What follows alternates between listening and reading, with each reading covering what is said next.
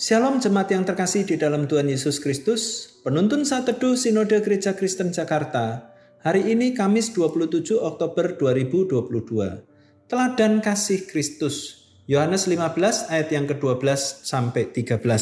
Inilah perintahku yaitu supaya kamu saling mengasihi seperti aku telah mengasihi kamu.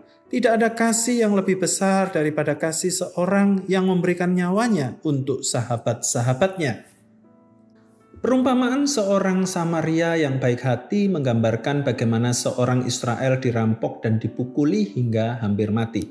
Seorang imam dan Lewi melewatinya tetapi tidak menolong, lalu seorang Samaria lewat kemudian ia menolongnya.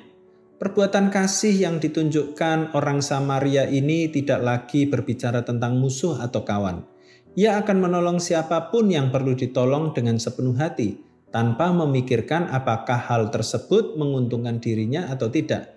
Seperti itulah kasih dari teladan Kristus.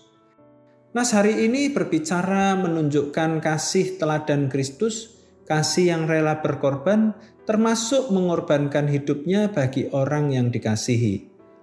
Orang yang tidak memiliki kasih Kristus adalah orang yang tidak mau menuruti firman Tuhan. Yohanes 15 ayat yang ke-10 lebih taat pada manusia dibandingkan Tuhan. Kisah Rasul 5 ayat yang ke-29.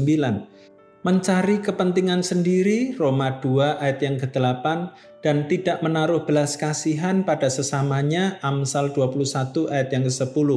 Dengan kata lain, kasih yang Kristus ajarkan pada kita untuk dilakukan sebagai murid-muridnya bukanlah kasih untung rugi atau take and give tetapi kasih yang selalu memberi yang terbaik tanpa memikirkan balasan yang akan diterima. Satu-satunya cara untuk hidup dalam kasih yaitu dengan menyangkal diri, memikul salib, dan menjadi pelaku kebenaran firman Tuhan, sama seperti Kristus di dalam perkataan dan perbuatannya. Kasih yang sejati bukan berbicara tentang diri sendiri, tetapi tentang dirinya bagi orang lain. Selamat beraktivitas, tetap semangat, Tuhan Yesus memberkati.